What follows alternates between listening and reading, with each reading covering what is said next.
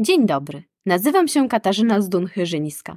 Jestem radcą prawnym z ponad dziesięcioletnim doświadczeniem w prowadzeniu spraw sądowych i przygotowywaniu umów w obszarze praw do nieruchomości. W dzisiejszym odcinku podcastu Prawo do nieruchomości opowiem Ci, jak radzić sobie z konfliktami w przypadku współwłasności nieruchomości.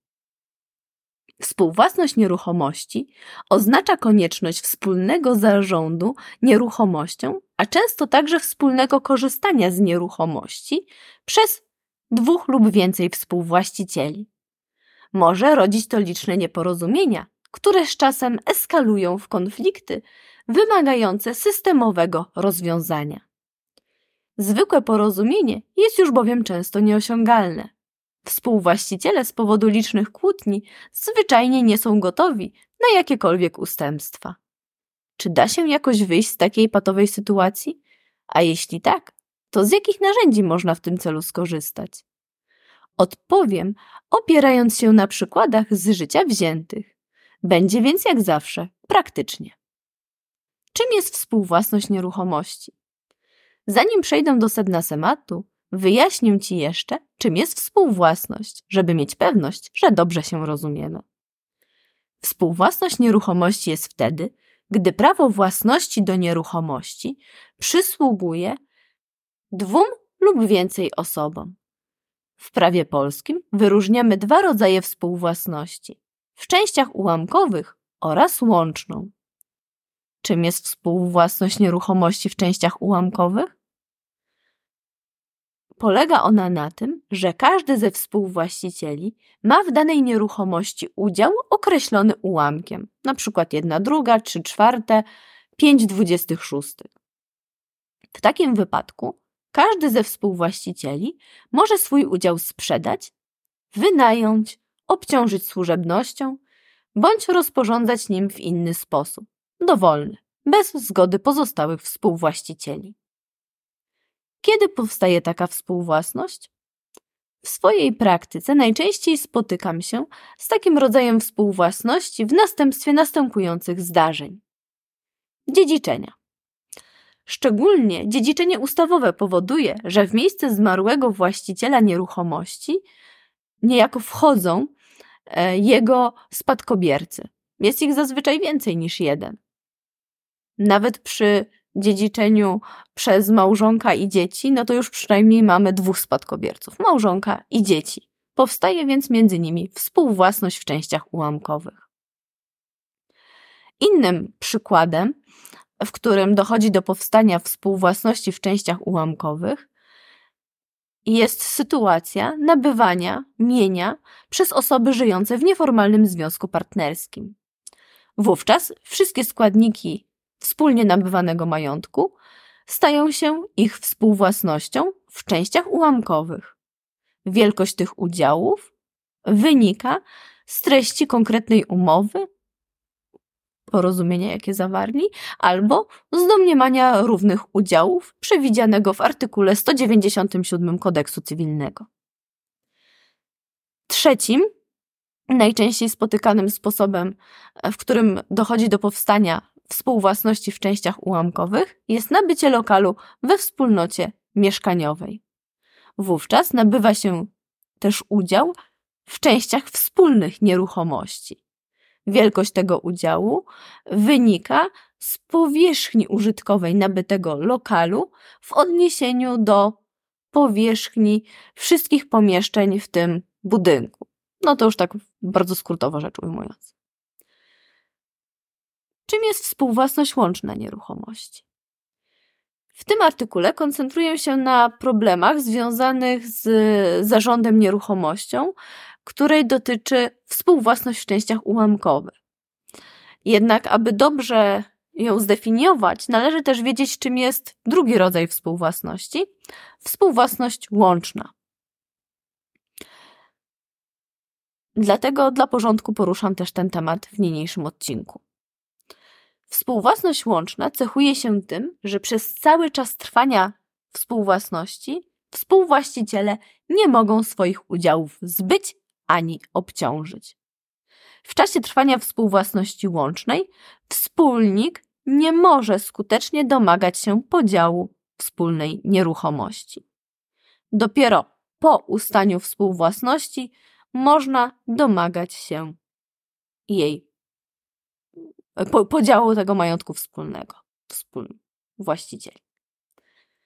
I współwłasność łączna powstaje najczęściej w wyniku zawarcia umowy spółki cywilnej i trwa przez cały czas trwania spółki, albo w wyniku zawarcia małżeństwa, jeżeli przyszli małżonkowie nie zawarli umowy o rozdzielności majątkowej, czyli tzw. Tak intercyzy. Przechodząc do sedna sprawy. Jakie są sposoby rozwiązywania konfliktów między współwłaścicielami?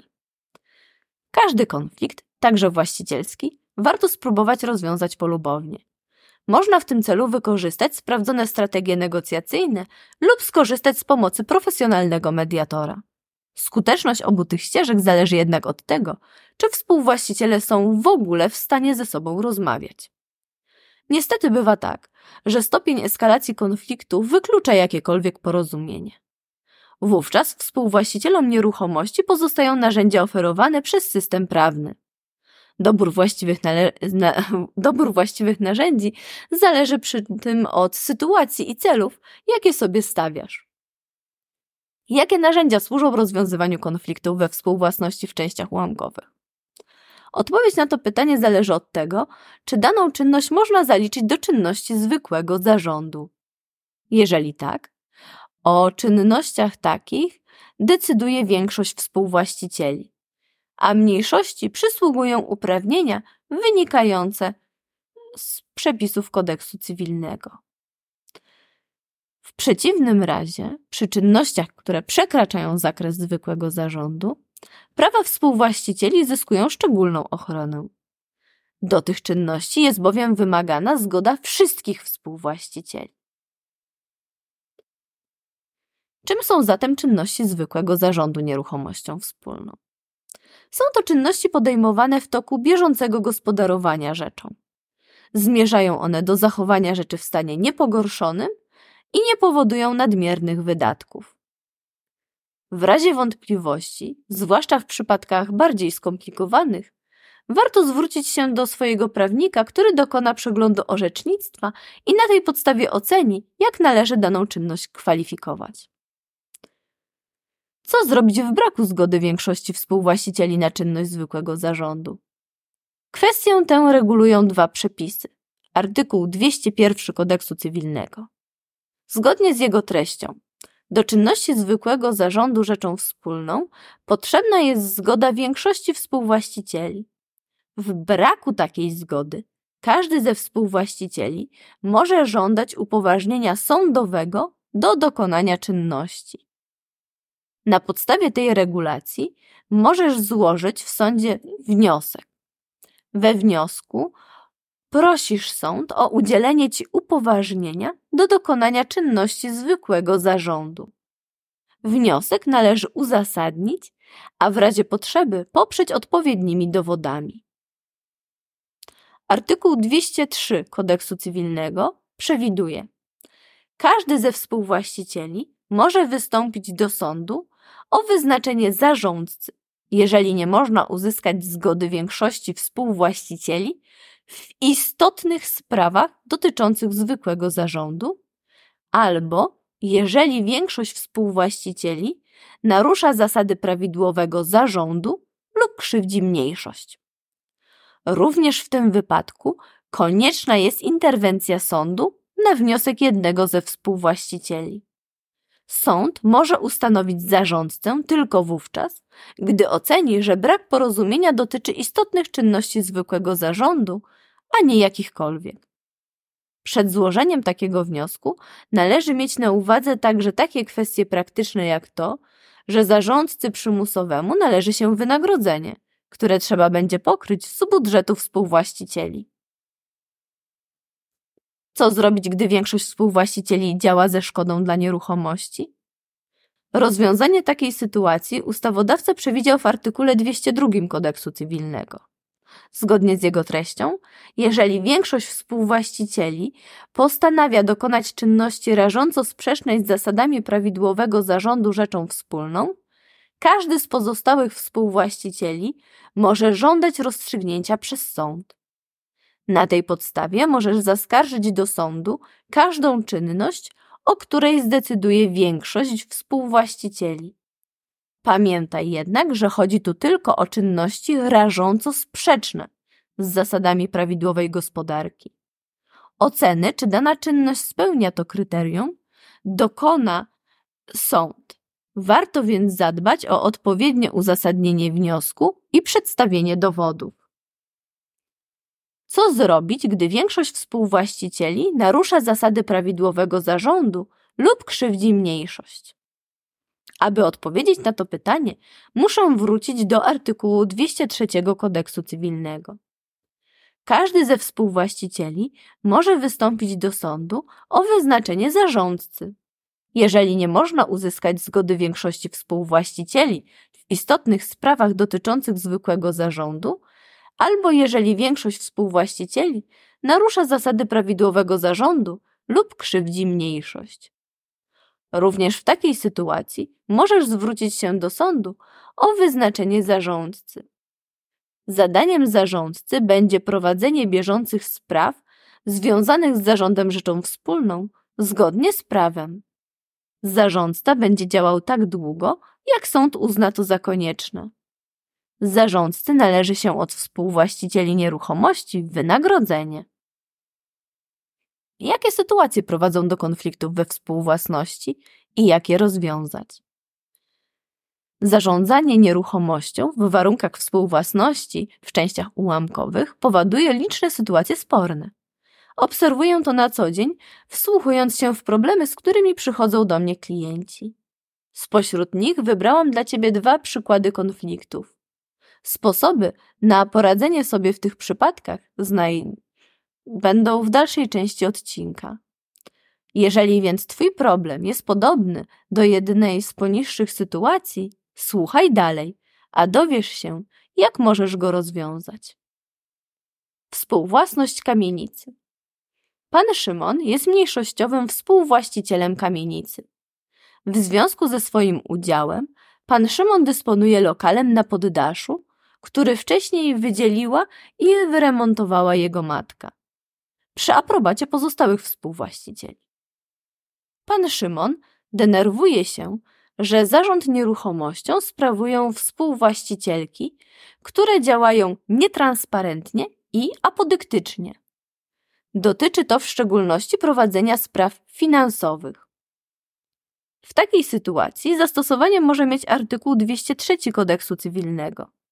Na tej podstawie pan Szymon może zwrócić się do sądu o wyznaczenie zarządcy. W uzasadnieniu wniosku pan Szymon powinien wskazać okoliczności, które wskazują na to, że jego prawa doznają uszczerbku w wyniku działań dotychczasowego zarządu. Jeżeli zaś zastrzeżenia pana Szymona budziłyby konkretne czynności, a nie ogólnie sposób działania zarządu, pan Szymon powinien te czynności zaskarżyć na podstawie artykułu 202 kodeksu cywilnego. Podział do korzystania części wspólnych ogródka przydomowego. Pani Dominika kupiła od dewelopera mieszkanie na pierwszym piętrze budynku dwurodzinnego wraz z udziałem w częściach wspólnych nieruchomości, w tym ogródka przydomowego. Deweloper, zanim wystawił oba mieszkania w tym domu do sprzedaży, podzielił płotem ogródek na dwie części. Każdą z tak ustalonych części ogródka deweloper przypisał do konkretnych lokali w budynku i tak oferował do sprzedaży. W aktach notarialnych sprzedaży obu lokali notariusz określił udział każdego ze współwłaścicieli w częściach wspólnych, w tym w ogródku, odpowiednim ułamkiem, zgodnie z ustawą o własności lokali. Nowi właściciele lokali tolerowali tę sytuację stworzoną przez dewelopera i przez kilkanaście lat respektowali swoje granice korzystania z ogródka.